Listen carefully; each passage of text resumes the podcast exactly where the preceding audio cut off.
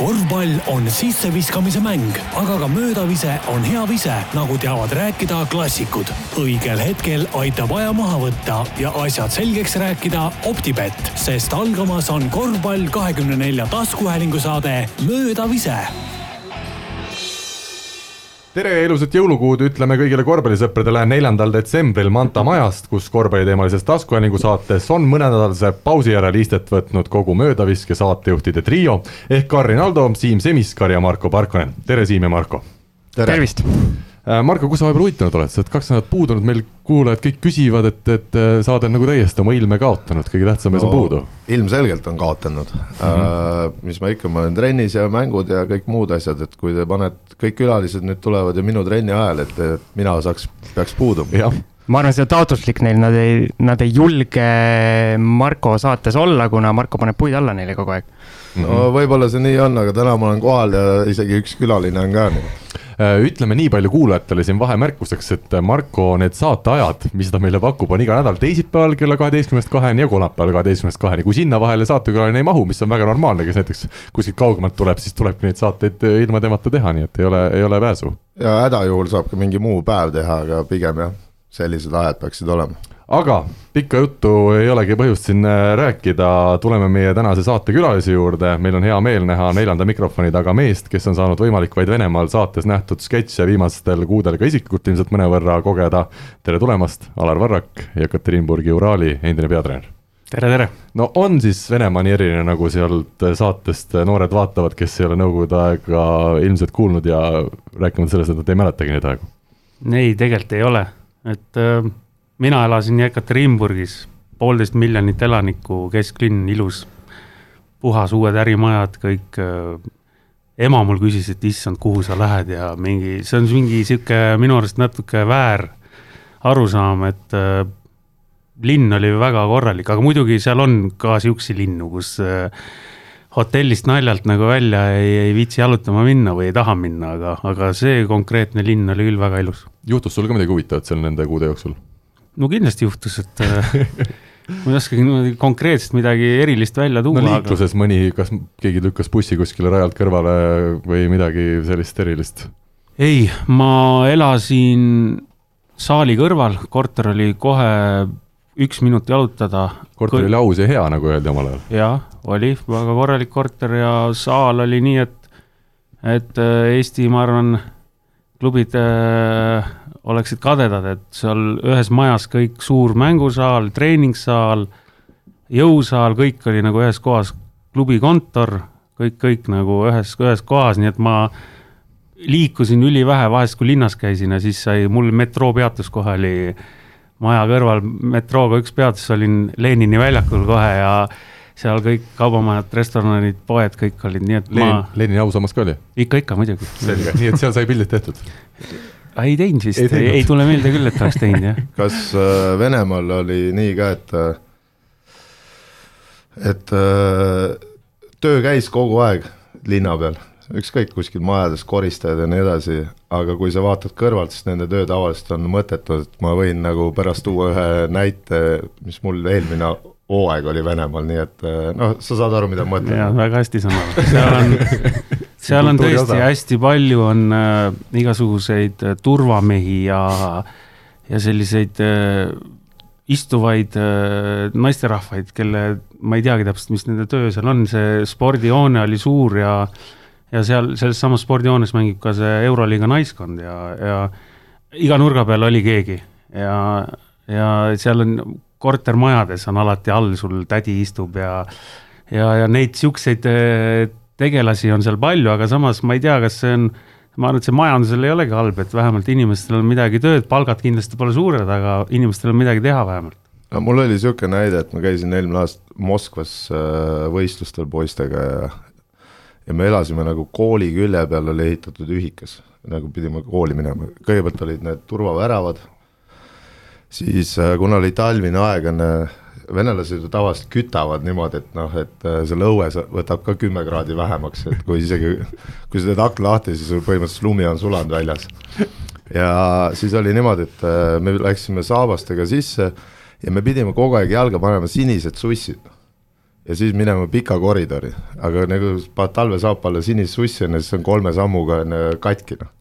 Ja siis mingi tädi kogu aeg koristas, põhimõtteliselt peale igat inimest ta tõmbas põranda, pesi puhtaks noh, kogu aeg sihuke töö käis, et äh, noh no aga vähemalt oli asja eest seal, seal niisama just. jaa, et äh, no seda on varemgi olnud, et äh, mulle selle looga tuleb meelde, me Tiit Sokuga kunagi läksime Eiblile koos ja, ja siis äh, Tiit hakkas oma kotti enne üles bussi võtma, enne bussijuht enne Sony müts oli kuklas, enne ütles, et pane kott alla. Siis ta ütles, ei, ma võtan üles, no see on suht väike spordikott, on ju. ei, ei, kott läheb alla, on ju, siis Tiit seal lõpuks vaidles temaga ja siis saatis ta ühte kohta enne, pani koti alla ära, siis tuleb buss, ütleb, mitte midagi ei ole siin muutunud, noh. et kõik koristajad ja bussijuhid on siiamaani direktorid, noh. no bussijuhid on, bussijuhid on seal omaette nähtus ja taksojuhid, et äh, no nendel see, neid roppusi, see on nagu sidesõnad ja nad räägivad seda nii loomulikult, et äh, no tõesti, ma üks äh, me olime, see oli Vladivostokis jah, lennujaamast äh, hotelli oli umbes tunnikene sõitu, no ma tõesti olin, pisarad jooksid, ma istusin otse bussijuhi taga. ja pisarad jooksid, äh, ta jõudis ära teha umbes neli-viis suitsu selle ajaga, aken oli lahti ja ma arvan, umbes no tunni ajaga kindlasti neljakohaline arv roppe sõnu, et iga teine-kolmas sõna ja ta terve tund aega rääkis ka, nii et need on jah, siuksed huvitavad aga mismoodi sul endal selle vene keelega on? ei ole kõige parem. aga need sidesõnad said selgeks? no see, need on ammu selged, see on, ma arvan need on siin Eestis juba selged. kuidas see juhendamine käis siis? sa inglise keeles juhendad või vene keeles? no see on nii ja naa, eks, eks see oli ka ikkagi probleem, sest et äh, paljud mängijad ei mõistnud inglise keelt ja, ja minu vene keel on selline, nagu ta on, kindlasti on ta nüüd parem oleks ma hooaja lõpuni vastu pidanud, oleks ta kindlasti veel parem, et lõpus ma juba enam-vähem sain vene keeles kõik asjad aetud. kindlasti hästi vigaselt ja kindlasti nad oma mõtetes naersid, kui ma vene keeles rääkisin, aga no algus oli, ütleme, protsent fifty-fifty vene keele, inglise keele vahel. ja, ja kui rahulikult, kui mul trenn ette valmistus, rahulikult seletasin, siis ma ikkagi enamus kõik vene keeles, aga kui juba äh, pulss tõusis ja trennides või mängudes ja kiiresti vaja, siis läks sujuvalt ikkagi inglise keele peale üle. aga need sidesõnad tulid siis sisse mängude hetkel ka, kui oli, ütleme, emotsionaalsemad momendid käes või? üllataval kombel Venemaal ta tuleb iseenesest, iseenesest ta tuleb sinna sisse, jah. kusjuures äh, viimane Euroliiga mäng oli isegi Saaras pani vene keeles otse kaamerasse, et äh, rääkis leedu keeles või inglise keeles ja siis ropendas sinna vene keeles, pani vahele ja läks edasi, noh ma just lugesin ka ühte nalja just, et, et kuidagi, et töömehel kukub telliskivi varba peale, et ja et ja kui sa vene keelt ei oska, et siis sul ei olegi midagi öelda selle peale. mingi sihukene nali oli kuskil, ma täpselt seda sõnastust ei mäleta, aga mõte oli, mõte oli selline, jah kas selles reisimises ka midagi erilist oli nüüd Vene-sisestes reisimistes, noh, sa oled Kaleviga ju väga palju reisinud, ilmselt selles osas midagi uut ei olnud, aga, aga just see, et sa olid ka Venemaa klubis, kas see muutis midagi? No seal, noh, ega mis ta ikka, no reisimine, reisimine, et, et noh, ma käisin ära sellises kohas nagu Sahhalinid ja Vladivostok, kus ma arvan, väga tihti ei satu, et et sealt Jekaterinburgist, mis on siis kaks tundi Moskva lennukiga pluss kaks tundi edasi, siis sealt omakorda oli veel üheksa tundi edasi ja koos vahemaandumisega läks meil vist reis kokku üksteist tundi sinna Sahhalinidele, et äh, noh, sinna ei satu palju, et nüüd on seal, seal ka käidud, et äh, pluss siis mingid otsad olid rongiga, sihuke Isevskis käisime turniiril ja käisime ka liigamängu, oli kaheksa tundi rongiga, et see huvitav niisugune, et seal on neljased kupeed, eks kaksteist mängijat ilusti jagunes ära, aga reisidel me käisime siis nagu üks abitreener ja arst. ja siis ilusti oli kolme, kolm piletit kupees ja ilusti mingi täitsa võhivõõras mees ka ilusti magas seal. et no ei, no ikka, aga mis lõpp, lõppkokkuvõttes on elu, noh, see käib nagu ametiga kaasas ja kui sa seda ei salli või hakkama ei saa, siis sa ei saa seda tööd teha lihtsalt, ega mis siis ikka kui te seal kaheksa tundi rongis loksusite, kas sina peatreenerit, peatreenerina pidid käima mängijaid vaatamas ka, et seal mingeid kangemaid vägijooke ei võetaks, midagi sellist? ei, ma arvan, et see on ka, no ütleme, sihuke joomiskultuur Venemaal on äh, noh, selline. korralik. no ta on nagu, seda ei panna nagu seal isegi nagu pahaks, kui sa oled nagu mõistuse piires, et nagu ütleme, lõunamaades juuakse seal pudel veini, eks. Äh, Saksamaa õlut ja. ja keegi ei panegi tähele, siis Venemaal samamoodi mingi paar klaasi õlut või seal mingi sada grammi viina seal vene meestel, see on nagu sihuke nagu tass kohvi, et äh, eks see õige vana, aga, aga näiteks, mis ikkagi kultuuri osa paneb väga pahaks, on ikkagi need, kes on ikka lakku täis, et neile ikka vaadatakse viltu ja ja profispordis äh, on siin nii Sokk kui Müürsepp rääkinud lugusid, on ju, mis on siin varasemalt olnud, siis kordagi äh, see on muutunud, et mängijad ja nii, eks kindlasti seal on, aga, aga kõik õigel ajal, õigel hetkel ja, ja ühtegi korda mitte keegi ei, ei tundnud krimpsus näoga trenni või mängule või, või mis iganes, et selles mõttes oli kõik, on see, see kultuuri osa ka seal ajas muutunud. sa ütlesid, kui Vladivostoki või sinna Sahhalini saartele reisisite, kas on siis mängust ka näha, et, et tihti ikkagi kajastub mängus, et nii pikk reis on selja taga? Nii ta on, aga see ei ole ainult meil, et äh, need võistkonnad äh, on läbi aastate kogu aeg võiduprotsent kodus ülisuur, võõrsil neil ka ikkagi kehvemapoolsem, kuigi need mõlemad satsid äh, on ka komplekteerituselt ja eelarveliselt nii-öelda tipus seal, esiliiga tipus ja ma usun, et ka eelarveliselt siin mõned VTB tagumise otsa klubid jääksid neile nii-öelda võib-olla alla isegi, et äh, jah, mul oligi kurb see, et kaks esimest mängu oli kohe seal äh,. esimesed kaks, ütleme, esimese saime kohe näfaka ära seal niimoodi, et see oli minu jaoks ka uus kogemus, et äh, alati minnakse ikkagi päev-kaks varem kohale, kui on sellised pikad reisid, aga me läksime niimoodi, et selle kohaliku aja järgi siis kell üksteist vist jõudsime hotelli hommikul. natuke magasime, sõime ja läksime kohe mängule, nii et me olime just nagu üksteist tundi reisinud. ja muidugi miinus kakskümmend seitse sealt vist oli, no ütleme kolmekümne kanti sealt tuli ka kohe ja, aga teine mäng juba seal Vladivostokis, me olime juba enam-vähem selles ajatsoonis, see oli siis kaks päeva hiljem seal, seal jah, juba oli, oli ju tunduvalt parem, vist kaheksaga kaotasime seitsmega või midagi sellist. mängu moodi, jah. et sa ise tõid need VTB klubid sisse, et VTB klubisid Eesti korvpallisõber tunneb nüüd juba väga hästi tänu Kalev Cramole. aga kui, kui drastiline vahe see selle esiliigaga on või kas üldse on? Ah, kuidas, see on nagu pikem, pikem, ütleme, vastus siin, et äh, see keskmine tase seal äh, on väga, väga kõva, et äh, mis see väga kõva tähendab? no ma arvan, et äh, VTB tagumise otsa klubid äh, oleks, oleks ka tõsistes raskustes seal esiliiga tippudega.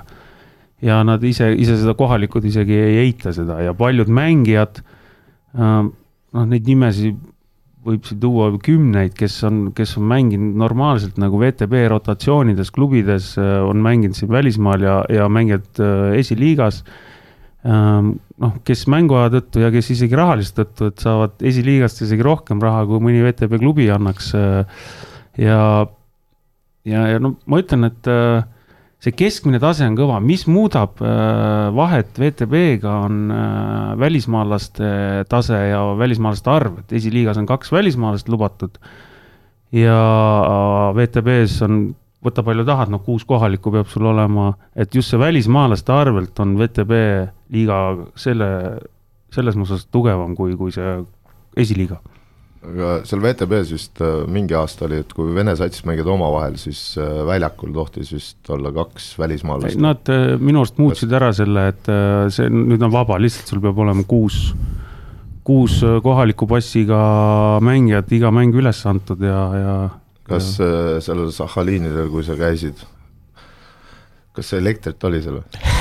Oli, oli, et me käisime, et selles mõttes oli jällegi hea, mis nad ütlesid, me saime nagu sooja ilmaga seal ära käidud, et äh, palju hullem pidi olema, kui sa seal süvatalvel lähed, et võidki jääda sinna lumetormide tõttu, istud seal nädal aega. mul lihtsalt oli üks vene treener, kes äh, oli minuga koos FEC-is ja ta ütles, et ta läheb sügisest sinna tööle, see oli mingi kaks aastat tagasi. ja sa pole rohkem temast kuulnud?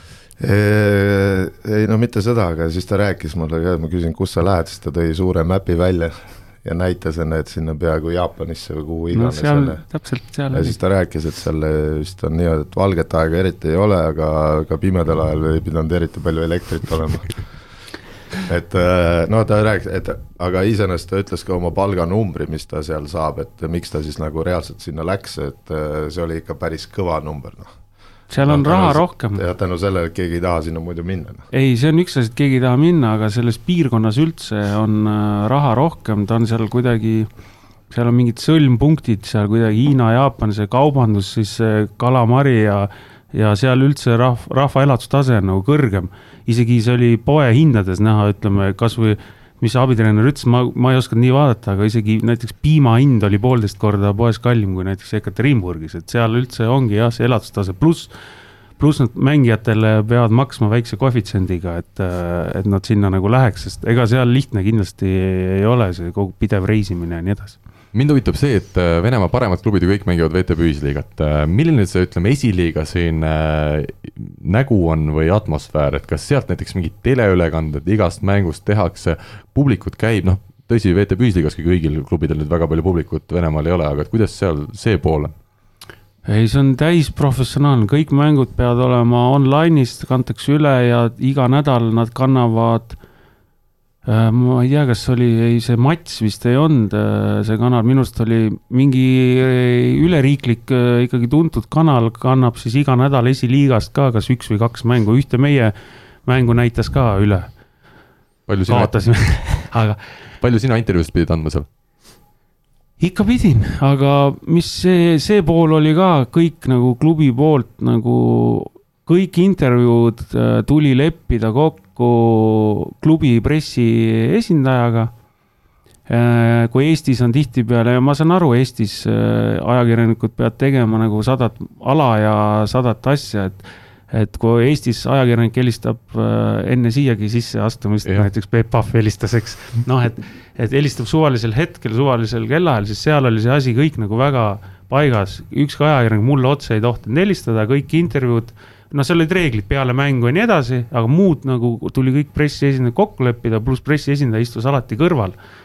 Sest äh, tihti oli mul ka keelebarjäär ja, ja ta nii-öelda ilustas ka neid jutte, sest ma vahepeal vaatasin, mis siia Eesti meediasse jõudis, need tõlgitud versioonid, ma ei tea, kas see oli siis Google Translate'iga, aga aga osad asjad olid seal sellised, mida ma kindlasti ise ei öelnud niimoodi või vähemalt ei mõelnud. jah, või vähemalt ei mõelnud. pandi Eesti poolt pandi pool juurde. aga minu küsimus nüüd sulle treenerina, kas sul on mõnusam see, kui sul ongi, ütleme, Eesti ajakirjanikud, keda sa kõiki tunned, kes helistavad sulle isiklikult ükskõik siis mis kellaajal ja sa ütleme, tead neid ju, nende tugevusi, nõrkusi, mida sa kellele rääkida saad, kui palju sa pead seda üle kontrollima, või on sul lihtsam nii, et sa ei tea ühtegi ajakirjanikku, nagu oli Venemaal, ja sul ongi see pressiesindaja, kelle kaudu sa suhtled, kuidas treeneril see mugavam on? Või mõnusam? ma ei teagi, noh, ega seal, no mulle meeldis seal, mul on kahju, et mul nii läks, mulle tegelikult väga meeldis seal ja, ja noh, iseenesest äh, oli nagu mugav variant see, et äh, alati lepiti kokku, kui olid mingid, ma andsin seal vist kaks pikemat intervjuud ka mingi raadiosaates seal käisin, vene keeles rääkisin, mina ei tea, ma ütlesin, et ärge väga palju küsige mu käest. sest teate, kuna see oli otse-eeter, ma ütlesin, et jääte ise häbisse, noh, et mina jään häbisse ja saade ise ka, et siis nad õnneks mind väga ei piinanud seal, aga kõik oli eelnevalt nagu kokku lepitud, kellaajad. uuriti, kuna on trennid, kuna mängud, kuna sobib, küsiti treeneri käest. ja, ja ma ise nagu dikteerisin, kuna näiteks nüüd see päeval on näiteks mm -hmm. tund aega selline auk, et kes tahab, saab tulla, et, et minu arust noh, klubi töötas nagu professionaalselt nagu väga hästi oli organiseeritud see. no selle vene keelega on ka vaata, lätlased ja kõik räägivad, et eestlased on hästi aeglased on ju, siis venelased näiteks isegi kui sul on vene keel hästi suus, et sa suudad seda rääkida, siis venelased naeravad selle üle, et äh, kuidas on võimalik nagu vene keelt nii aeglaselt rääkida. mitte see, et kui sa eriti ei oska, no siis sa räägid, see on nagu loomulik, aga need, kes nagu oskavad ja kes on äh, rahvuselt eestlased, sest nad räägivad vene keelt selgelt aeglasemalt kui kohalikud. kujuta ette, raadios mingi vend pritsib kogu aeg ja siis sa seal paned viisteist minti, paned neid bussijuhi sõnu kokku seal. no täna on sul natuke kergem ja, ja ei, nad kõik julgustasid tagant mind ja esimesest päevast alates kõik nagu julgustasid, räägi, et äh, räägi vene keeles, et midagi on, no see lätlane Auseis, äh, kes meil oli äh, tema räägib väga hästi vene keelt, inglise keelt, tema oli üks, äh, kes aitas tõlkida, kusjuures abitreener. Koolupäev, kes kunagi mängis Nüübitis, kui keegi mäletab, ma olin kunagi ta abitreener äh, või noh, tema treener kunagi, ta mängis, tema näiteks inglise keelt ei oska, nii et ma ei saanud nagu treeneri poolt ka abi ja kolmas treener, tema oskas inglise keelt, aga tema ei käinud meiega tihti kaasas, ta oli nagu skaudi rollis rohkem ta. et äh, Ausis oli kindlasti, kes aitas seal rasketel momentidel äh, siis see valgevenelane, tema oskas enam-vähem nagu äh, noh, mõlemat keelt ja meil oli ju ameeriklane ka, nii et äh, igat, no ühesõnaga üks. üks kõva niisugune nii ja naa keel käis seal. aga sa ütlesid, abitreener inglise keelt ei rääkinud, kuidas siis omavahel asjad paika Vene keeles. ja toimis ikkagi? no, no ei toiminud no tulemegi nüüd selle mängulise poole juurde, sa ütlesid, sulle meeldis tegelikult seal Venemaal, ole hea, ütle, mis sulle siis ütleme meeldis? No mis meeldis, no väga palju asju meeldis, et et no ütleme, et see Graamo kogemus, siis Leedu kogemus ikkagi midagi pole teha, treenerid ikkagi õpivad nagu ja ma tegelikult nagu ise tundsin, et ma olin nagu ülitubli. ja et nagu kõik trennid ja kõik nii edasi, aga lõpuks tuli välja, et äh, klubi president Jeromi on väga kogenud treener, kes, kes käis ka tihti trenne vaatamas ja käisime seal arutamas äh, nii-öelda korvpalli nüansse ka, eks. Et äh, ta pigem nagu taht-, hoidis mind nagu tagasi või ütles, et võta hoogu maha, et, et need mängijad ei ole nagu, et see ei ole nagu VTB kõrgem tase, et umbes, et selle vastasega teeme nii, selle vastasega teeme naa, selle liikumise teeme täna nii, homme naa, et, et niisuguseid taktikalisi nüansse, noh, kaitses ka seal, et kui on, ma ei tea, pikerroll siin, siis sa aitad sealt, kui on noh, ütleme keskel või ääres ja kui on kaks mängijat siin ääres või kaks, no ühesõnaga niisuguseid nüansse, noh, treenisime, treenisime, aga, aga jah, nad pärast nüüd tagantjärgi ka ma ikkagi sain nagu teada, et et nad ei julgenud mulle mängijat tol ajal tunnistada, tegelikult seda oli liiga palju nende jaoks, seda nii-öelda detailsust ja, ja teine asi oli, et et mind on nagu tihtipeale süüdistatud, et ütleme, et ma ei ole sihuke kõva nagu trennitreener, et aga seal ma nagu tahtsin ennast muuta, mul oli, mul oli sihuke Uraali märkmik. Mul oli sinna kohe esilehel alati, kui ma trenni ette valmistasin, et, et mul eesti keeles kirjutatud, et tee kõva trenn, et ma alati nagu, et, et ma ei oma nagu vanadest vigadest õppida, eks.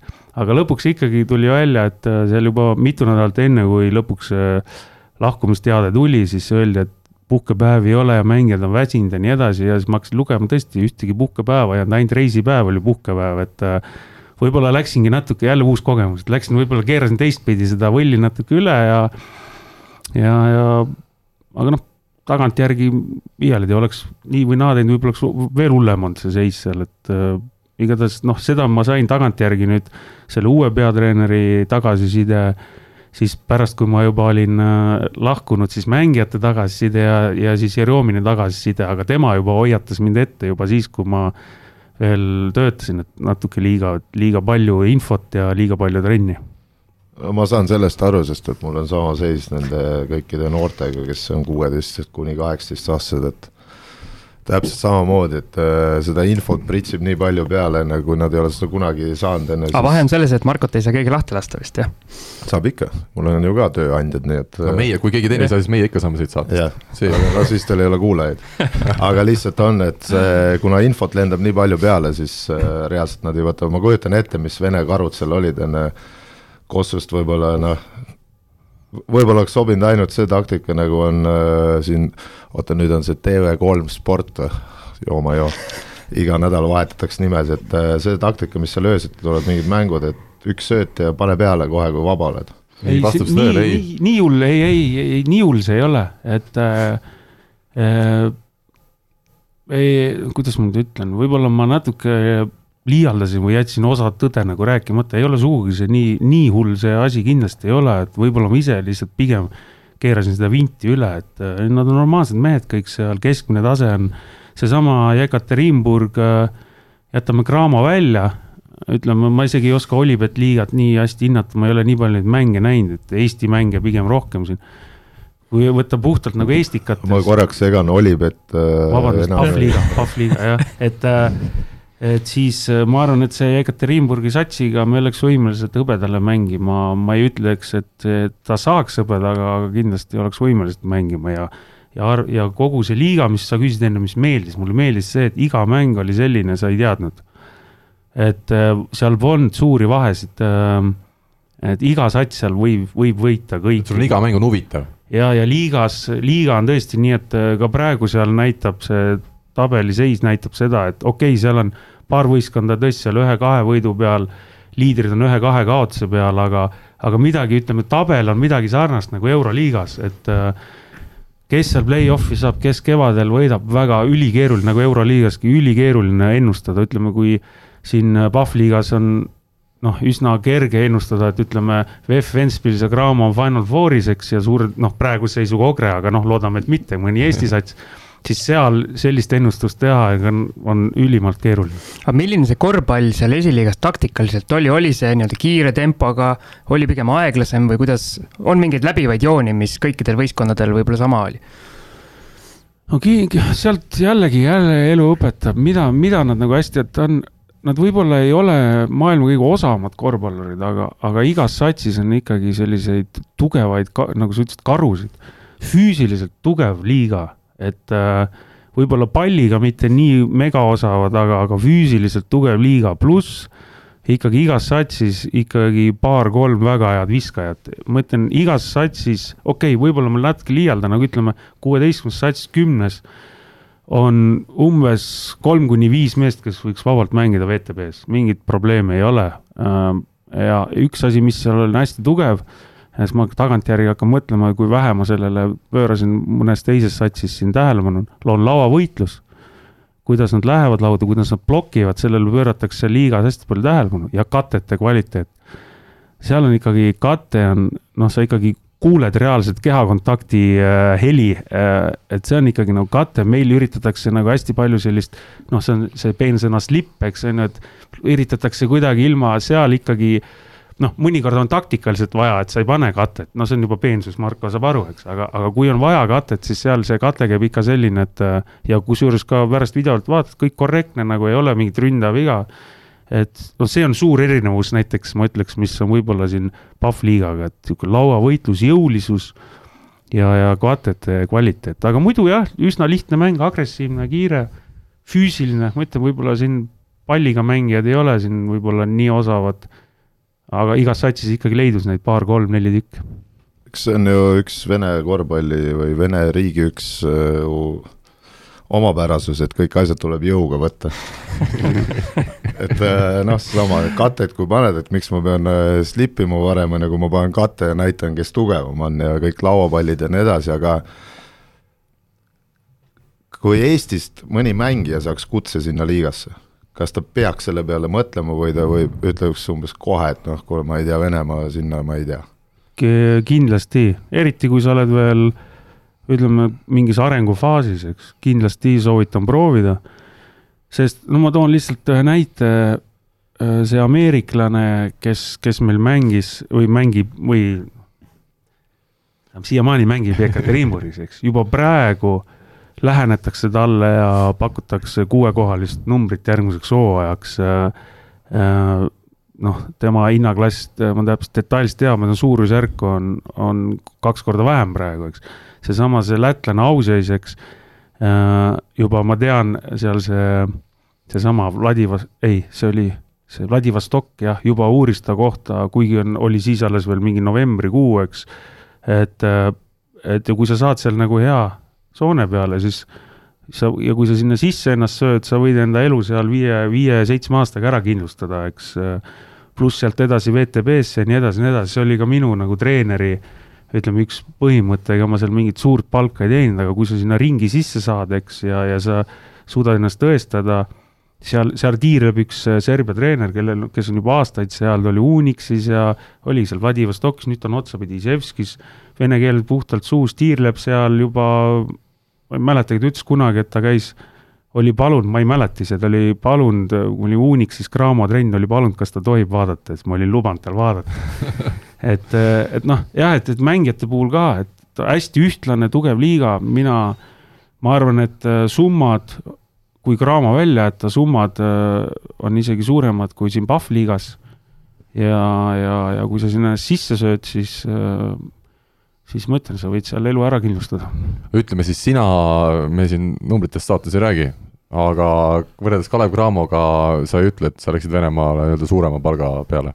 esiteks äh, ma olin juba Kalev Cramost ammu läinud, et äh, võrreldes ei, seda küll jah, ma mõtlen, et need... võrreldes siin Alituse ja, ja, ja Korvpalliliidu palgaga jah, palk oli, oli suurem, aga noh, ma ütlen, kuskil ma juba enne, enne minekut ütlesin, seal on seal on omad varjatud, see ei ole päris üks-ühele, et äh, võtad lihtsalt selle numbri, noh näiteks naine jääb koju kahe lapsega, on, on vaja sul lapse hoida, et eks äh, juba viis sotti on juba, võid maha kriipsutada põhimõtteliselt sellest palga nii-öelda lisast.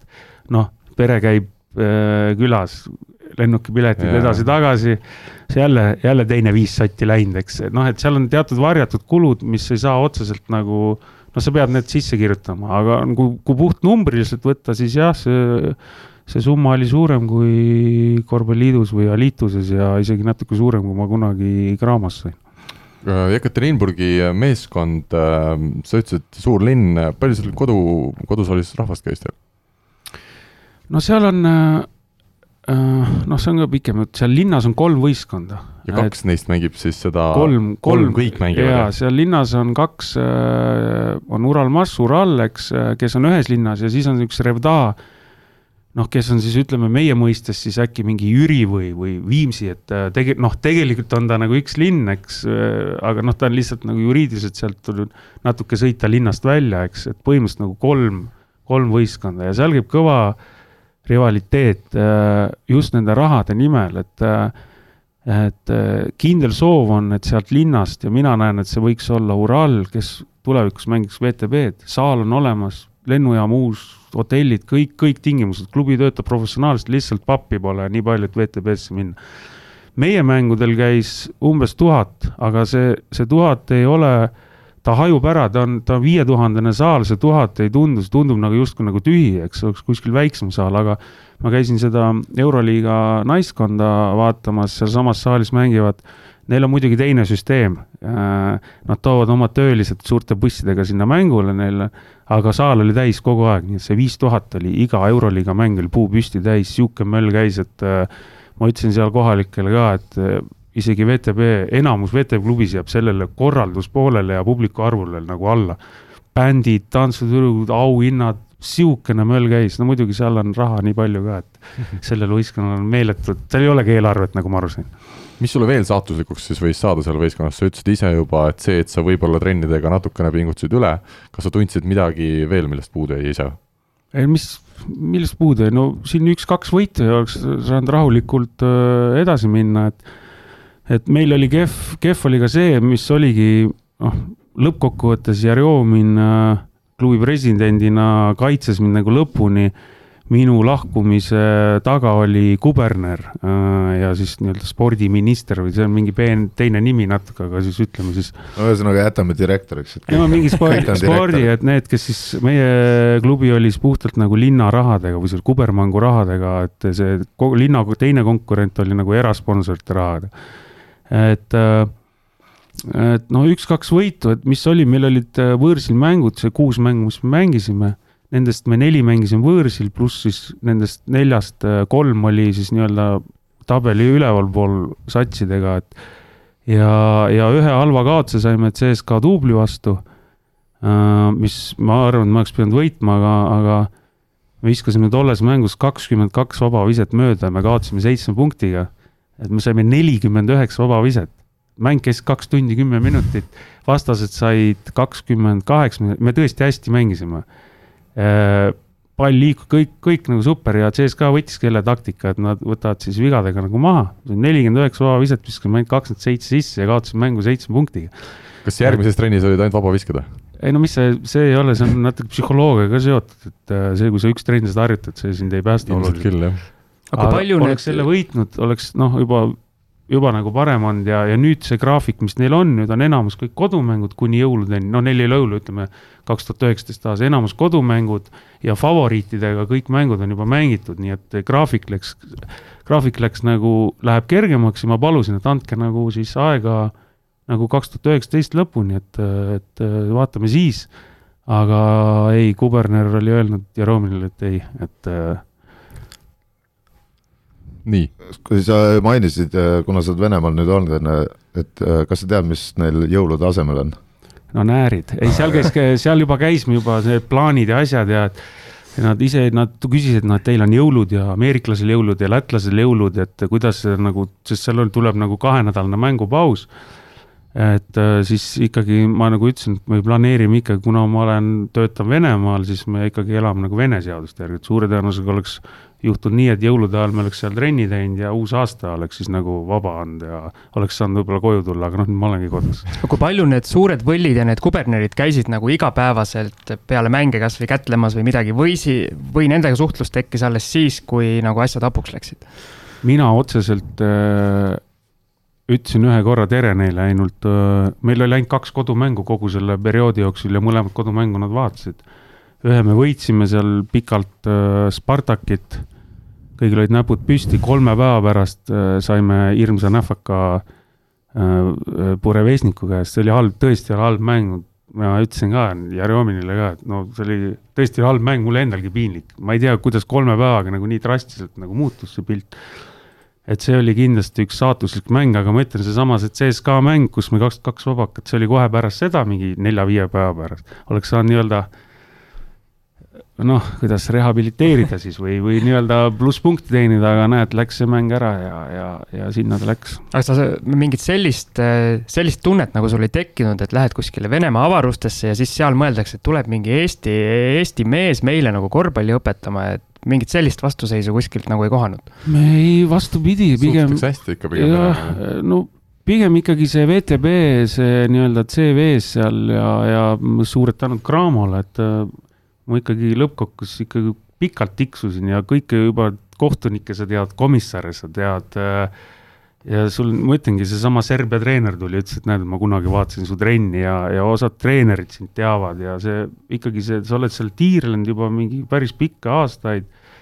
ja, ja see tekitab teatud niisuguse äh, noh, ma ei oskagi, mis eesti keeles, mis see respekt on, austus või ma ei oskagi mm -hmm.. ühesõnaga, sa, sind, sinu nägu tuntakse ja. sa võid ja... vene keeles öelda, kui sa ei oska. ma isegi vene keeles ei tea, aga, aga no ühesõnaga, su nägu tuntakse ja, ja seal ma vaatasin, see meedia, ajakirjanikud, kui küsisid, siis oli ka, et vot näed, et VTB treener ja koondise treener, et kuidas nüüd nagu Venemaa esiliigas ja pigem oli see suhtumine hoopis sel-, selline, et mm, -hmm. et hooaja alguses seal jah, et noh, ühesõnaga hooaja alguses, enne kui hakkas nagu see jama pihta, siis seal kirjutati ikkagi üsna hästi seal minust ja, ja kogu klubist. kui kellegi tool hakkab siin nääride ajal veel kõikuma, noh, näiteks mingil teisel, teisel klubil ja nii edasi ja sulle tehakse uuesti pakkumine minna teise klubi juurde, kas sa läheksid? ma arvan küll, et äh... Zahhalinile, saad nagu igale mängule kogu aeg üksteist tundi lennata äh, ma arvan küll, et äh ma tean, et üks äh, klubi seal äh, on, juba... on vahetamas treenerit ka ja ma tean, et äh, et agent, tähendab, ma tean seda tänu sellele, et juba see klubi president uuris siis Jeromini käest minu kohta, et aga ma nüüd agendiga pole nüüd suhelnud mõned päevad, et ma ei tea, kas see jutt on kuhugi viinud või ei ole, aga aga ma ütlen, see, et jällegi, et noh, et see, et keegi kuhugi helistab, see ei tähenda ju pakkumist, see lihtsalt uuritakse tausta, aga mina, vastus su küsimusele, üheksakümmend üheksa protsenti, ma arvan, et ma läheks. selle teema lõpetuseks, ma saan aru, et äh, kokkuvõttev äh, lause võiks olla selline, et võrreldes Leedu kogemusega see Venemaa kogemus oli ikka hoopis teistsugune, hoopis parem? ei, ma ei saa seda öelda, Leedu kogemus äh, äh, oli teistsugune et äh, võib-olla oligi, Leedu, Leedu mängijad on korvpalli IQ-lt hästi kõrge ja ja seal nagu kõik need nüansid nagu toimisid, äh, ütleme paremini, et et äh, Leedu kogemus oli omaette kogemus, aga need on äh, minu arust kaks täiesti erinevat liigat. kuigi naaberriigid, aga aga Leedus on rohkem selline akadeemilisem või noh, nad mängijad on lahtisema peaga ja taktikaliselt nagu, aga nad ei ole jälle füüsiliselt nii tugevad, kui on Vene, Venemaa, et Venemaa esiliiga, et kaks eraldi, aga klubiliselt ei anna võrreldagi Urali ja seda liitust äh, klubi organisatsioon kui selline Uralis super nagu täis tipptase. selge, meie lähme saate teise osa juurde. küsimusmängu toetaja on teamshield.com oma disainiga spordi ja vaba aja riided Siim, annan sõna sulle, küsimus mänguspetsialistiga on tegu, anna märku, mida me uurisime ja, ja mida me teada saime. just, eelmises saates käis meil siis külas äh, Sten Olmre, TalTechi tagamees, kes või kellelt me siis uurisime tema koondise debüüdi kohta, küsisime, millal mees tegi koondise debüüdi ja mitu punkti ta selles mängus viskas. Alar, kas sina tead vastust? Ma kahtlustan, debüüdi, ma tean, mis ta jah. viimane mäng oli. seda me teame kõik, jah. top skoorer ja siis teadis, et ta loobub. aga esimene mäng, oota, ma pidin ju treeneriks sa, sa olid, ma usun, seal pingil, jah. kas see ametlik mäng või? ametlik, jah. see oli selles samas äh, Valiktsüklis. hmm.? aa, äkki mind ei olnud siis? sest, sest äh, kui ma Graamast ära, siis ma loobusin koondisest kaheks aknaks. aa, vot siis, sellepärast sa võib-olla ei mäletagi. Kaks tuhat seitseteist lõpp oli aasta, Iisrael oli vastane täpselt siis sama aeg. Sind ei olnud, jah. ja kaheksa punkti. nii, õigeid vastuseid tuli kuusteist, nüüd palume Alaril öelda ühe numbri ühest kuueteistkümneni. no paneme üks ikkagi, siis kõige ennem ja number üks on kodanik Kristi, kelle perekonnanime ma hetkel öelda ei oska, kuna see meilist välja ei tulnud. tema saab meil Team Shieldi poolt siis korvpall kakskümmend neli erilahendusega särgi. Nii on ja mida me veel siia teema lõpetuseks ütleme, enne kui me läheme uue küsimuse juurde, on see, et nädala tegija rubriiki meil sel korral ei ole ja sellel on oma selge põhjus. Siim, räägi. jah, põhjus on see, et esiteks äh, jäi see tegemata, küsitlus. see on aus vastus. jah, Ja aga tegelikult äh, otsustasime detsembris äh, minna nädala tegijaga lühikesele puhkusele ja asemele tuleb hoopis aasta tegija valimine ja nüüd valimegi alates järgmisest saatest, hakkame siis välja hüüdma aasta treener, aasta No meeskorvpallur ja aasta naiskorvpallur. kuidas on, Alar, kas Parkonen läheb sinna aasta treeneri valikusse, on ta Läheb. midagi saavutanud see läheb aasta?, läheb? Läheb jah? no me tulime kolmkümmend viis pluss Eesti meistriks Aa, Parkoneniga koos. just. Parkon väga hästi mängis nii seal et. aasta mängija. aasta mängija ka jah? et, et ainuke, mis sul võtmata jääb, on aasta naiskorvpallur. no kui sellega saab, ta nii palju neid treenib, et selle võib põhimõtteliselt ka panna sinna alla juba No.. tegi kui- korvi all selliseid liigutusi, et äh, te kujutate ette. Kas sa tõsiselt räägid? no ma räägin tõsiselt tõsiselt noh. mis need liigutused olid siis? me peame medali tooma. ei, päriselt tulime meistriks, millal see oli? No nüüd kevadel. see on, seda nimetataksegi nagu post move ideks. sellepärast, sellepärast sulle noh, kui sa vaatad NBA-d, siis või Euroliigat, sa näed neid samu asju. nagu sellepärast Alaril tunduski Venemaal minnes, et see mäng on selline suhteliselt robustne, sest ta oli just näinud Markot mängimas seal korvi all väga elegantselt ja jah, selge, aga äkki küsiks äh, nüüd uue küsimuse ka ära küsi. küsimus muidugi siis Alar Varraku kohta ja mis on Alar Varraku võiduprotsent läbi aegade VTB ühisliigas? Võin vihjeks öelda, et enne saadet siin Alariga ise arutasime seda protsenti ja tema arvates oli see üllatavalt kõrge. ja mina annan vihjeks, et üle nulli ja alla saja. jah, ja vihje veel nii palju, et hetkel on Alar Varrakul sada kakskümmend mängu VTB ühisliigas tehtud peatreenerina kuuel hooajal ja selle mängude arvuga asub ta kogu liiga ajaloos siis kuuendal kohal. Et kõik asjad on Siimul oma märkmikus üles märgitud aastate jooksul, meiega ütleme nii, et vastused saab sa-, vastused saab saata info, et korvpall kakskümmend neli punkt ee või korvpall kahekümne nelja Facebookile ja sõnumitesse. meie võtame aga ette järgmise teema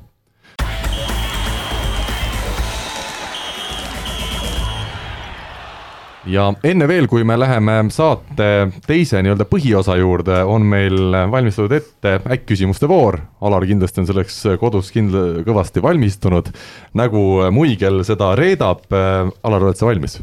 oh jumal, mis see, mis see tähendab? see nii ongi, siin tuleb kiiresti vastata, kas üks või teine. ühesõnaga, nüüd ma jään lolliks viie minuti pärast. ei usu, ei usu, ei usu, ei usu, meil on selleks on Marko võetud saatesse äh,. alustame, kas hea kaitse või hea ründemäng? No kaitse pigem siis. teater või kino? kino. vesi või õlu õlu mängija või treeneri amet? treener. suvi või talv? suvi. videokoosolek või kahetunnine pallitrenn? ikka pallitrenn. võrkpall või jalgpall? jalgpall. Müürsepp või Reinbok? müür. Ivkovitš või Obradovitš? Raske. mis, mis vahet seal on Jassikevitšus ütleme siis, kas Ivkovitš või Jassikevitšus paneme juurde? no mulle Jassikevitšus meeldib väga, ma jälgin tema tegemisi. no ja lõpetuseks üks kerge küsimus, kas sokk või Parkonen? milline sokk? Tiit. paneme Tiidu ikka. ai, väga hea. no joh, ei tee noh, kõik uh,. sellega on saade läbi aga enne veel, kui see saade tegelikult läbi saab, siis võtame ette järgmise teema.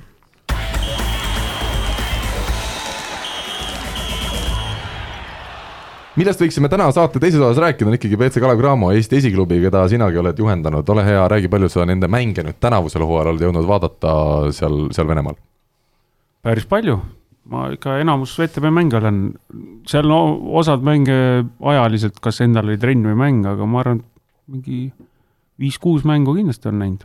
ja millise mulje sulle Kalev on jätnud sel ajal? oi, väga hea, et äh, ma arvan, et et Stelmachersi tulek siia oli väga õige otsus, väga õige samm. et äh, ma tean ka seda tausta natukene, et äh, et ka ise suhtlesin temaga suvel siin ja nii edasi, et noh, lõppkokkuvõttes see õnnestus ja, ja ma arvan, väga hea käik. mis Stelmachersist hea treener teeb sinu hinnangul? Ma ütleks niimoodi, et äh, kuna ma olen ise ka ta vastu mänginud äh, treenerina, mitte mängijana äh,, siis ükskõik, kus ta on nagu olnud tema satsid on alati oma taseme nagu iga hooaeg välja mänginud, loomulikult on halbu mänge teinud sisse paremaid mänge, aga niisugune keskmine tase, nad pole, tema võistkond pole kunagi all, lati alt nagu läbi jooksnud, on ta siin Poolas, on ta siin Ventspilsis ja nii edasi. et see on nagu kindlasti hea tugev märk, et äh, noh, kui näiteks ma võrdlen endaga, on ju, siis on, on siin mõni VTB hooaeg, siin on väga hästi olnud, aga mõni on nii, et nagu täielik põrumine, siis, siis minu arust Elmachersi karjäär vähemalt viimased siin, ma ei tea, viis, viis kuni kümme aastat, tema satsid on alati nagu, nagu hästi mänginud ja, ja ütlen ka ausalt, et äh, nii Müürsepp kui mina andsime ka Graavale nõu, et igal juhul võidelge ta nimel, et ta siia tuua. ja, ja ja ma arvan, et ka Müürsepp aitas ka seal kaasa, et, et, et, et ta siia tuleks ja see võistkond nagu ku,, kuidas ma seletan, noh, et see võistkond ikkagi mängib, mängibki oma nagu taseme välja, et nad isegi mõnes mängus ma ütleks, et natuke isegi üle lati, et niisuguseid ärakukkumisi neid hooaja alguses oli, siin ma mäletan, üks mingi hirmus halb mäng oli siin Pahv liigas äh, Jurmala või? Jurm, Jurmalaga, jah. Nad vist viskasid viiskümmend punkti või midagi sellist, ma isegi trehvasin mingit perioodi sellest mängust nägema. aga mulle, see on minu arust ka üks ainukesi mänge, kus nad on nagu kehvasti mänginud, et äh, ja tundub, et see kooslus ja nii, et ta oskab nagu noh, no ma ei ole, võib-olla nüüd ma lähen, käin seal, aega on siin töötuna, siis äh, pärast Töötukassas käimist lähen ka vaatan trenne, et äh, ei, ma olen, kuna ma Craamoga olen tihedalt seotud olnud, siis ma olen nende siseeluga päris hästi kursis ja ja Rainbokiga suhtleme ja nii edasi ja kontori poolega, et nüüd ma võib-olla proovin ka trenne, trenne käia vaatamas ja ise, ise õppida, et täitsa huvitav, sest mulle, mulle ta treenerina väga meeldib. kes sulle endale, ütleme, viimaste aastate Kalevist pärast seda, kui sa ise ära läksid sealt, on nii-öelda mängijatest kõige rohkem muljet avaldanud või keda sa, kelle üle sul on kõige rohkem rõõmu olnud? kõigi üle on kindlasti see vastus. no raske nii välja tuua, noh, ma tooks võib-olla välja nagu kitsingu arengu, et äh, ma just mõtlen nagu treeneri ja niisuguse noormängija vaatevinklist, et et väga palju noormängijaid ei tunnista endale ausalt, et äh, ütleme, et kui nad satuvad Gramosse näiteks ja VTB-s, et äh, kiruvad, et miks ta nagu vähe mängida saab, aga tegelikult ta enda tase ei võimaldagi seal mängida, siis Kitsing äh, need aastad, mis ta on olnud, ta on iga aasta arenenud, ta on endaga palju tööd näinud, ta ei ole kunagi käinud vingumas või virisemas, et miks, kui ta siin kahekümne, ma ei tea, mitmene oli siin, miks ma saan ainult viis minutit ja nii edasi, ta töötas ja töötas ja töötas. ta, nüüd ma vaatasin just, just esmaspäevases mängus, et äh, ka seal low post move idena pani seal, mida ta ei teinud, ütleme siin kolm-viis aastat tagasi, siukse mitu korda võttis pukki palli, tegi selle ära et pani seal söötu, see kolmesega on vaja näinud, ühesõnaga ta on nagu sihuke töömees olnud ja vaikselt oodanud oma aega ja ta mänguminutid on äh, tema tasemega, kasvuga vaikselt tõusnud, kus ta nüüd on lõpetanud põhiviisiku ja olulisema mängijana Graamos, et äh, ja see pole üleöö käinud. Ja see pole nii, et mingi treener on teda hirmsasti nii-öelda push inud või aidanud nagu, et äh, andnud krediiti, ise võistkond küll kaotab, aga ma annan sellele mängijale krediiti, seda, seda pole tema jaoks tehtud, ta on ise selle kõik nagu välja võidelnud, see on hea õppe, ta on nii-öelda õppematerjal, vaid nii-öelda tema võiks kunagi noormängijatele mingi niisuguse loengu anda, et äh, kuidas ta on kõik selle vastu pidanud ja nii kaugele jõudnud, aga noh, Jõesaar, Jõesaar, mul on, ma ei tea, mul on tema talendi vastu nagu meeletu austus, no noh, võiks, ta võiks veel parem olla, nii edasi, me võime siin heietada tundide viisi kas ta võiks stabiilsem olla, on see ikkagi see märksõna? agressiivsem või nii edasi, et ta võiks juba olla noh, kui ta oleks noorena võib-olla paremaid otsuseid teinud, võiks juba olla, ma ei tea, Euroliigas ja nii edasi, aga noh, aga on veel, veel teisi, kes head meelt teevad. selle kitsingu jutu pealt, kas äh, ma eelmist meil on kitsingu ekspert siin, Marko Parkonen. eelmist äh, mängu ei näinud, aga kas see võis, ma nägin mingi kümmet minutit viimast mängu, siis kui nad äh, Minskiga mängisid, aga kas oli Minski vastu või nädal varem, Kitsing pani low post'ist kaks viset vasaku käega mida ma reaalselt nagu, ma ei mäletanud, et oleks üldse kunagi vasaku käega visanud, et äh, võttis niisugune pool haaki pani vasaku käega, noh et see oli minu arust, see oli see üks mäng tagasi ja nüüd äh, eelmises mängus esmaspäeval ka võttis seal low post'i, tegi oma spin'i, no kolmestest rääkimata, eks, aga tegi oma seal spin move'id ära ja, ja ma ütlen seda, sellist oma, sellist nii-öelda elementi tal nagu kolm aastat, viis aastat tagasi ei olnud, see on, et näitab jällegi, et ta on näinud endaga vaeva ja, ja vaikselt vaikselt on, no ütleme, tase tõusnud, mänguminut tõusnud, palganumber tõusnud, roll tõusnud, kõik ja see ei ole üleöö juhtunud. eks see on veel tõestus, et äh, ta on sündinud üheksakümmend, ta on kakskümmend üheksa, kakskümmend kaheksa, siis hetkel ma ei tea täpselt, millal ta sünnipäev on, et äh, kui sa oled võimeline õppima veel kahekümne kaheksa aastaselt veel elemente juurde, siis siis ei saa olla mingit vabandust äh, nagu teistel mängijatel, eriti noormängijatel, noh üks küsimus, siin Sander Raieste nimi käis mingist Facebooki korvpalligrupis, kõva arutelu tekkis, et kas ta saab piisavalt mänguaega, et kas ta mängib valel positsioonil, minul tundub, kui ma siin võtan statistika lahti, keskmiselt kolmteist minutit WTB-s, tundub sellise mängija jaoks, kes ei ole ennast meeste tasemel veel mitte kuskil tõestanud varasemalt, tundub täiesti normaalne minutite arv, see, kas ta nüüd mängib teisel positsioonil, on teine küsimus, kuidas sina sellele kogu, sellele Raieste küsimusele otsa vaatad uh...? No ütleme, et äh, endise spordirektori ja koondise treenerina loomulikult me tahaks, et ta mängiks pigem kolme, kahte kui nelja seal Graamos. ja, ja noh, seesama Kitsing jutt, et keegi ei too kandikule ette, et vaikselt taseme tõusuga tõusevad ka minutid, loomulikult äh, ma lugesin kusjuures seda Facebooki postitust, ma isegi ei tea, kuidas, kes, kes seal kirjutas, minu arust on vist sõber mul kuidagi, ma lugesin seda postitust. ega ta seal otseselt midagi nagu valesti ei kirjutanud, aga lihtsalt me ei saa ka eeldada, et äh, nagu me rääkisime Kitsingust, antakse krediiti hoolimata sellest, võistkond võidab või kaotab, peaasi, et see mängija mängida saab, et Stelmachers teeb nii, nagu on Cramole vajalikum. Ja lõppkokkuvõttes ma arvan ikkagi äh, Raiestele on kasulikum olla siin WTB-s, kui ikkagi oleks jäänud sinna kolmandasse liigasse, ma ei räägi isegi Hispaania esiliigast, vaid see Baskonia duubel mängib tugevuselt kolmandas liigas. ja ma ise käisin seal kohapeal ka igal juhul see tase on kõrgem, jah, see positsiooni, ma olen selle postitusega nõus äh,. aga see on ka, Cramo on natuke nagu sundseisus oli, kuna neid pikke ei olnud, siis nad vahetusid ja neile, see oli vigastatud ja, ja aga ma ütlen ka Raieste kohta, mis näitab veel tema head taset.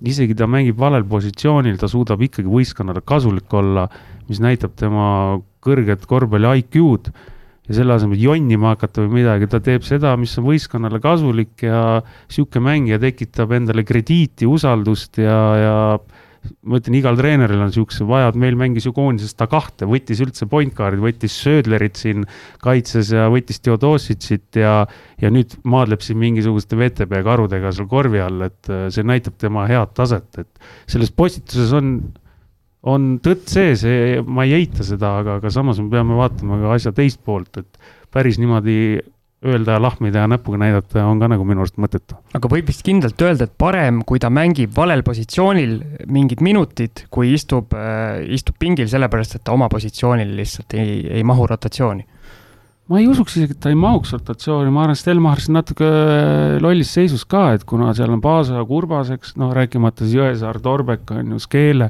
see on nagu natuke üle mehitatud, see positsioonid, eks, aga kuna seal positsioonil on, on nii-öelda vähem mehi ja Raiest on võimeline seda mängima, siis, siis Selmaristel endal ka lihtsam leida talle, ma arvan, seal, muidugi seda peate Selmarist küsima, ma lihtsalt spekuleerin, ega, ega noh, ma ütlen veel kord, et mina igal juhul, ma arvan, et Raiest tegi hea otsuse, et ta siia Graamasse tuli, mis tast edasi saab, keegi ei oska öelda ma arvan, et ta, ise ka noh, vähemalt ma ei tea, kas nüüd on muutunud, kui mina Baskoonias käisin ja temaga rääkisin ja tema agendiga, siis ega tal väga suurt sõnaõigust kahjuks oma karjääri kujundamisel ei ole, et loodame, et Baskoonia teeb õigeid otsuseid aga minu teada vist tal on need asjad suht paigas ka, sest Pahvliigas ta saab vist pea kakskümmend minti mängida või ei ole nii või? ma praegu umbes, aga Pahvliigas ta saab kindlasti rohkem mängida VTB-s ja ma olen kindel, et ka tegelikult Stelmachers annab talle krediiti ka nagu. kui ta oleks ikkagi, no me teame siin varem Eestis Cramos on isegi olnud enne treenereid ehk Balkanitest, Balkani riikidest on ju, siis nemad ütleks kohe, et ühe korra eksid, siis sa istud ja sa jäädki istuma, aga Stelmachers ikkagi paneb talle puid, võtab ta välja, ta annab talle ikkagi ühe võimaluse veel või kaks võimalust, nii et äh, minu meelest äh, need asjad on suht balansis, et kui tal õnnestub, ta saab rohkem mängida, kui ta saab mängida kaheksa minti, üks mäng vahet ei ole, võib-olla järgmine mäng saab viisteist minti ja noh, see on piisav tema arengule. Noh. ma siin toetan Marko väljaütlemist, sul oli õigus, Pahvliigas mängib Raieste keskmiselt kakskümmend üks minutit. no väga hea, ma ütlen, Stelmars, ma mäletan veel suvel, meil oli pikk vestlus temaga Raieste teemal ja ja ka Tiit, Tiidu käest uuris ja nii edasi, et et Raieste oli äh, Cramo ja Stelmacher seal selgelt, ma tean, üks noh, see on see nii-öelda target nii-öelda, kuidas ma, issand, ma ei oskagi eesti keelt. sihtmärk. jah, et keda nad kindlasti tahtsid, et ka Stelmachers vaatas neid videosid, koondise omasid ja talle ka nagu väga meeldis äh, Raiest, aga lihtsalt natukene võib-olla jah, olukord äh, mängis sellise olukorra, kus ta peab nelja mängima paljud minutid, et äh, see otseselt, ma arvan, et ei olnud ei Stelmachersil, Raiestel ega Cramol nii algselt planeeritud, aga samas midagi hullu ka ma ei arvan, et sellest ei ole. no minu puhul on ainuke asi see, mis äh, mida ma siin hooaja alguses lootsin, on, ta võiks rohkem enda peale võtta ka, noh. ta võtab ainult siis, kui talle söödetakse nurka, paneb peale, on ju, mõnikord toob ründelaua ära, saab ära visata äh,, Äh, ülejäänud korrad on nii, et ta annab ikkagi palja kogu aeg ära, noh, et mm.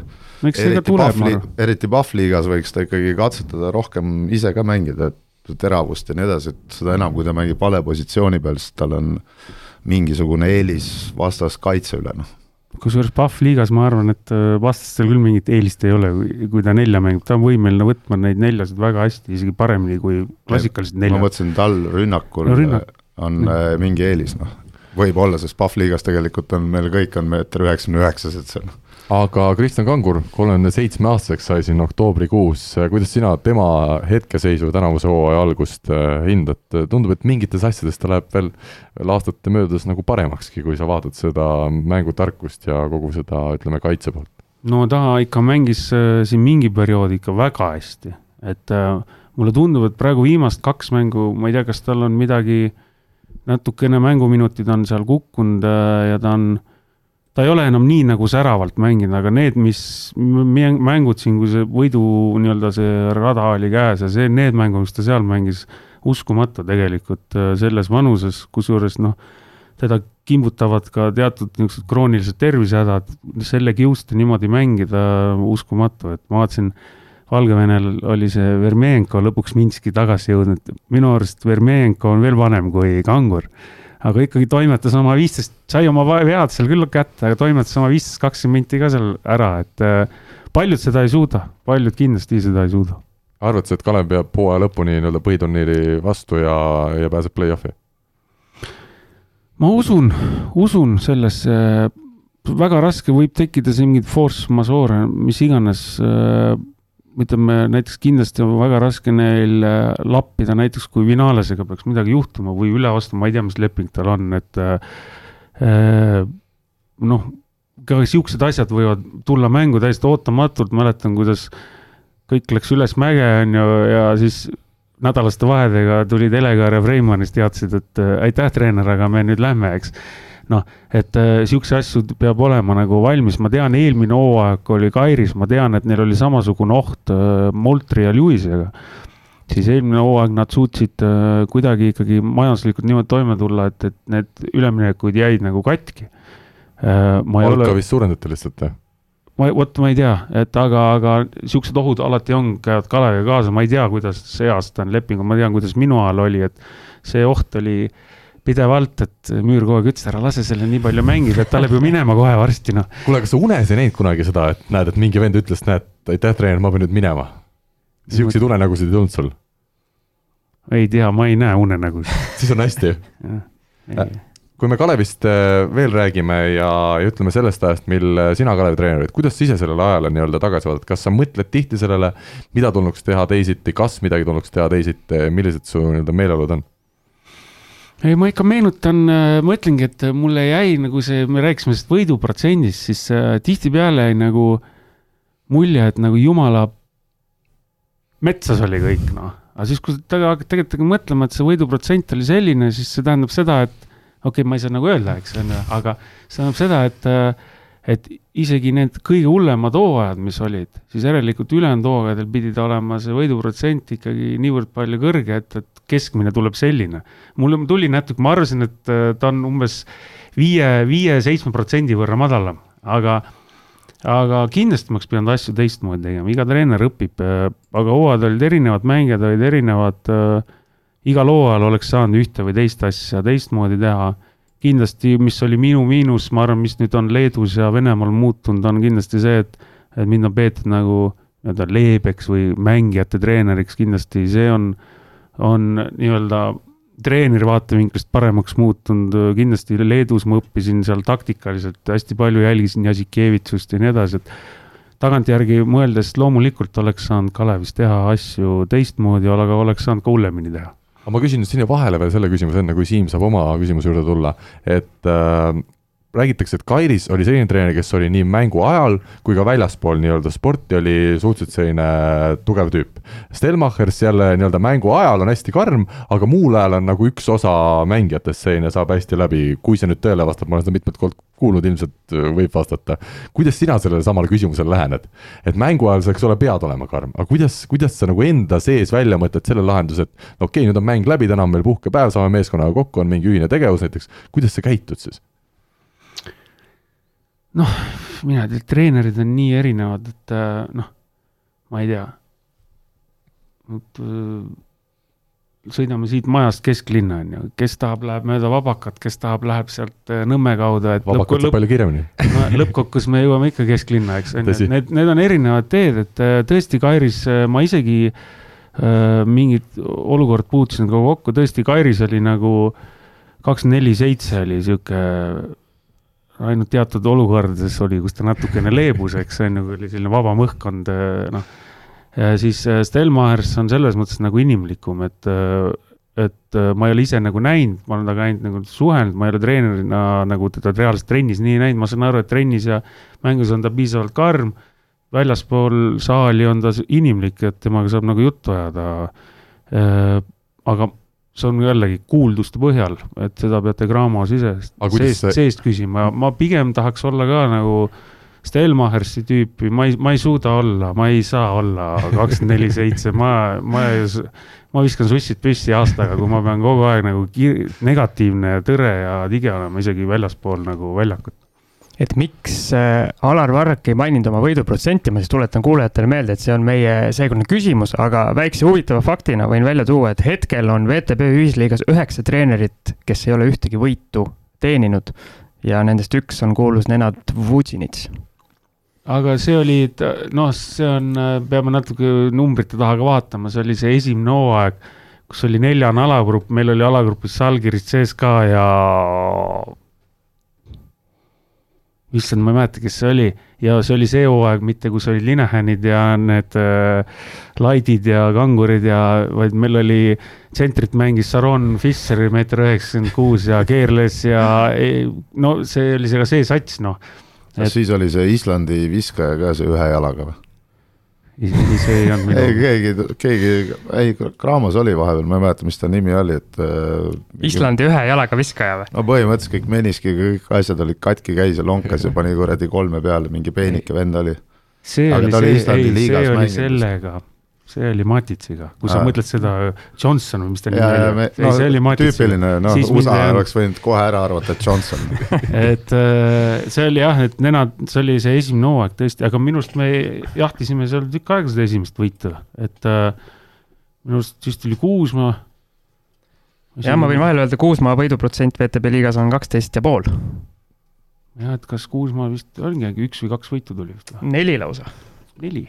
jah issand, juba ma nii vanaks saanud, ma ei mäleta jah, kurat, ma olin ikka päris noor, kui ma Gramosse läksin, aga okei. Okay aga Kalevi teema lõpetuseks, me ei saa üle ega ümber sellest keskmängijate teemast, mis paelub inimesi, me kõik armastame korvpalli, me kõik armastame Kalevi meeskonda ja meid äh, lihtsalt huvitab see, et äh, kuidas see klubi neid käike teeb. kuidas sina nüüd vaatad otsa sellele, et meil on äh, nüüd juba sel hooajal siis mitmendat korda nii-öelda kaks keskmängijat, kes kumbki ei paista ikkagi päris seda nii-öelda VTB taset välja kandvat, kas seal on mingi lahendus, paljud mõtlevad, et näiteks tuua, eks ole, sellesama raha eest üks mees, on see üldse mõeldav, sa tead neid asju natuke paremini, oled ise sarnases olukorras olnud, kuidas siin käituda tuleks? no ma ei tea täpselt äh, summasid, aga enam-vähem suurusjärke, mis klassis mängijaid nad äh, on võimelised võtma. no see keeruline, keeruline selles mõttes, et äh, tihtipeale siin Graamas äh, oleme võtnud igasuguseid riske on, on siukseid jackpot'e meile tunda, oleme ka niisuguseid ämbreid astunud siin et äh, noh, pigem nagu mulle tundub, et praegu on mindud nagu sihukest turvalist valikut, et äh, noh, et sellise mängu, sellise summa eest selline mängija, sihuke klassikaline nagu, et, äh, et ma ei tea, pigem peaks seda Graamo käest küsima, võib-olla tõesti minna see kahe mängija asemel ühe teed, aga mis siis saab, kui kanguriga või kellega midagi juhtub, eks praegu nad on tuh-tuh-tuh kõik tervena püsinud seal, et kellelgi midagi juhtunud, kohe nagu jama majas, eks. või tuleb minna kolistama selle kraama ukse taga, et raha raputada juurde, et või siis võtta riske jälle, et et, et mingi kuskilt keegi vigastatud või pingile jäänud või ma ei tea, teinud midagi paha oma elus ja proovib ja noh, näiteks seesama meil on ikka jopanud siin see Simmons, kellel oli ju pikk trauma siin ja lõpuks oli väga hästi mängis, noh, Hele-Karju ja nii edasi, et, et või tuleb seda riskiteed minna või, või praegu ju võiduprotsent Kalevil on palju fifty-fifty, eks, VTB-s, et või jätkad sedasama liini ja ega me ei saagi eeldada, et Kalev, ma lugesin pealkirja, et äh, Kalev kaotas kohus või kohustuslikku võiti jäi võtmata või midagi sellist nagu punane later ja nii edasi, et mis mõttes nagu, kui me paneme selle Minski satsi nagu Graamo kõrvale, eks, siis pigem tuleks nagu Minski käest küsida, et halloo, et kuidas teil nagu null võitu oli, et tegelikult on sats seal ju kihvt ja, ja võimas ja ja, ja mingi punase laterna kohustusliku võidu juttu siin rääkida on ka nagu imelik. aga meenuta oma Graamo ajast, kes olid need või tähendab, keda sa ise pead suurimaks jackpot'iks, Elegari sa oled siin mitu korda maininud, kas tema ongi see suurim jackpot nii-öelda võõrmängijate võtmisest ja kes on olnud suurim ämber? suurim ämber, no mul on üks lemmik on siin aastates olnud, aga neid ämbreid on võib-olla isegi, ma isegi võib-olla osasid nimesid ei mäleta ja ka rahvas teab, on, on mingid ämbrid, kes on üsna kiirelt tunda läinud, eks. ma võin praegu panna kohe ühe nime äh,. ma arvan, et suure tõenäosusega see on mingi suvaline nimi, mingi von Krammedam või mingi sihuke vend. Krabbendam. jah, see ja. oli päris hea leid ka. noh, ta oli sihuke huvitav kuju, noh, tasus proovida selles mõttes ta tegelikult oli nagu andekas äh, kuju, aga lihtsalt vist, ei olnud seda spordimehe süda jah, nagu ei olnud. ta oli vist katki siin mingi kaks kuud ja siis. ta oli katki, aga tal polnud seda tapja instinkti, aga muidu nagu kõik nagu kujuna oli kihvt, aga noh, ma ütlen. Elega... Balkani sõdalased, kes siin. Äh, see oli, need on Matitsi teema, siis mind ei olnud, siis ma olin Tiiduga nüüvitis, et äh, siis seda ma ei oska kommenteerida. sealt ikka tuli häid vendasi kohe paadiga siia noh. noh, mina, minu arust Demonte Harper oli üks äh, väga kihvt vend, kes, kelle karjäär pärast seda jätkuski siin äh, väga tugevates liigades ja ma tean ta palganumbreid ka. Äh, kuna ta mängis Nenadi käe all, Nenadiga ma siiamaani suhtlen, Itaalias oli ta Nenadi käe all, siis ta oli siin VTB-s. Äh, tal läheb väga hästi, et nüüd tema oli õigesti ah?. nüüd ta on Gran Canarias vist see hooaeg või? on juba, jah. ma vaatan, et vist peaks olema siin ametlik info järgi eelmine hooaeg ta oli Nenadiga seal Itaalias, eks, enne seda oli siin Venemaal ja no Demonte Arbor oli ka selline, kes hästi töökas, inimesena normaalne, okei okay,, võib-olla natukene pall oli tema käes palju, aga, aga see oli ka ühtlasi nii-öelda meie kui treenerite soov, et, et see pall oleks tema käes palju ja noh, Elegar kindlasti siin on veel neid minu arust siukseid häid leide olnud, et äh, aga üks ämber ka kiiresti. no Petserov ikka minu lemmik. ma just tahtsin välja tuua, et see mees vist jääb nagu kauaks ajaks Oi, ka. mul on siiamaani sõber Kävin saadab mingeid pilte, kus me oleme koos ühe pildi peal, kui ta tahab mul nagu kuju tõsta või maha teha, et äh, kõik teavad seda, et meil oli Petseroviga kohe nagu sihuke mega eriline suhe, kus me vihkasime üksteist ja. lihtsalt ei klappinud kaks inimest? ei, ta ei, no ta ei viitsinud midagi teha, noh, ega ta igalt poolt löödi minema, kus ta oli megatalent, supertalent, ta ei viitsinud mitte midagi teha, ainult talendi pealt mängis ja lõpuks oli ta kolmekümne aastane, sa enam talendi pealt ei mängi kaitses ta ei mänginud, ta põhimõtteliselt igalt poolt viimase viie aasta jooksul, ükskõik kus ta mängis, ta löödi minema ja. aga kas need jutud vastavadki tõele, et ta lihtsalt ei viitsinud mängida ja siis mõtles endale vigastusi külge? jah, vast-, vähemalt siin Graamos jah, et uh, siit on katki ja sealt on katki, pani ise diagnoose endale ja ja, ja kusjuures see oli ka valus moment, me kaotasime ühe, ühe pika perioodi jooksul ühe korra, Kalev kaotas äh, Eesti meistritiitli. ja, ja see oli toosama aasta mäletan täpselt, esimese mängu võitsime kindlalt, teises mängus olime kindlalt ees seal, teisel veerand, esimene mäng, ma mäletan, Petserovi mängu ma ei lasknud, teine veerandaeg niisugusel üldsuse survel lasin ta siis mängu ja lõpuks kaotasime neli-üks selle seeria, sealt tuli see räme murrang sisse. mina mäletan seda aastat, ma nägin esimese mängu ära, siis sõitsin Hispaaniasse puhkusele ja hakkasin vaatama ainult neid skoore ja mõtlesin, mis, mis värk toimub. aga noh, see selleks, see oli juba nii ammu jah, see selleks, sest meil on äh, saade juba liiga palju aega käinud, no okei okay,, Marko, veel lühidalt sulle sõna, aga tõesti lühidalt. ja mul on lihtsalt kaks kiiret küsimust, et augustikuus oli kandideerimine, kuna sa oled olnud Eesti meestekoondise abitreener, et Tiit Sokk ei kandideerinud ja teades seda, et sina ka ei kandideerinud, kas sa oskad öelda kiire näiteks põhjuse, miks? kiire põhjus oli see, et tol hetkel, kui see kandideerimine oli, oli mul spordidirektor ja korvpalliliidu strateegia nägi ette, et spordidirektor ei tohi olla koondise treener, peatreener. ja, ja siis juba, siis ma läksin juba Ekaterinburgi ja tähtaeg oli juba läbi, et ma ei saanud enam ümber ka mõelda. ja teine küsimus, küsimus, Jukka Toial, valiti Eesti meeste koondise peatreeneriks. mis sa arvad sellest? ma arvan, et äh, üsnagi sihuke kindel valik, ma arvan, et äh, tean natuke tausta ka, ma arvan, et äh, hea valik, et äh, ma olen temaga nüüd ühe korra suhelnud ka pärast seda, kui ta sai, et pidi, noh, vahet ei olegi, aga äh, väga, jätab väga sümpaatse mulje, on teinud ka teatud tulemusi ka väljaspool Soomet, on pikalt seal süsteemis sees, et äh, ega ta, ma ütlen, see roll on pigem, põhimõtteliselt sul on ju ainult kaks mängu, on ju, nädala ajaga, et see põhitöö on üldse see mujal, kuidas mängijaid, suhteid luua mängijatega, klubidega, agentidega, kuidas mängijad siia saada, see on palju suurem töö ja siis taktika paika panna. sest kogu selles protsessis mulle tundub, et see treeneri roll koondiste treeneritel on juba nii väikseks jäänud, et et no vaatame, huviga ootame. selge, aga viimane osa veel meie saatest on ees ootamas. mängija profiil, üks inimene, erinevad vaatenurgad ja ei saa me üle ega ümber korvpallisõppedena sellisest meest nagu Shane Larkinist, Istanbuli Anadolu FS-i tagamängija, kahekümne seitsme aastane ja saja kaheksakümne sentimeetrine vaid. ameeriklasega siis tegu ja Euroliiga punktirekord nelikümmend üheksa punkti. senine rekord sai siis kõvasti üle löödud ja tõi selle siis eelmise nädala mängus Müncheni Bayerni vastu. mina ja Siim vaatasime selle mängu täispikkuses järgi tagant. Äh, Marko vangutab pead, sina teadsid, et see rekord on tulemas ja olid kindlasti õigel ajal teleri ees? loomulikult ma vaatasin laivina seda ja pärast natuke vaatasin ka järgi. kas järgi vaadates muutuvad asjad uh,? minu jaoks kindlasti. aga kuule ja ütle, mis mehega tegu on ja kui müstiline saavutus see on? no Eestis on ju ka oma Larkin, aga ta ei ole veel nii kaugele jõudnud, ehk siis äh, Maarjo Paiste, aga ei no see, ma vaatasin pärast mängu lõpus intervjuud ka, kui ta selle andis siis ta ütles ka, et täna oli niisugune päev, et äh, et kus korv oli ookean, et ta ju lasi tegelikult peaaegu igalt poolt pallid lendu, kõik kukkusid sisse. Ja vist oli üks vaba kolmene, kui ta oli täiesti vaba ja ta pani selle kolmese mööda, noh, et äh, aga ta on mulle kogu aeg meeldinud, minu meelest on väga hea mängija, seda enam, et ta on nagu ameeriklane, kes pole kunagi olnud niisugune, näiteks minu teada vist mängis Mike Jamesiga Baskoonias kunagi. jah, oli kaks tuhat kuusteist, seitseteist. et äh, seal nad olid niimoodi kahekesti, Baskoonia mängis väga hästi, sest nad kahekesti ainult panid äh, täiega üle, nagu suht kiired. aga Larkin mängib ka rohkem võistkonnale.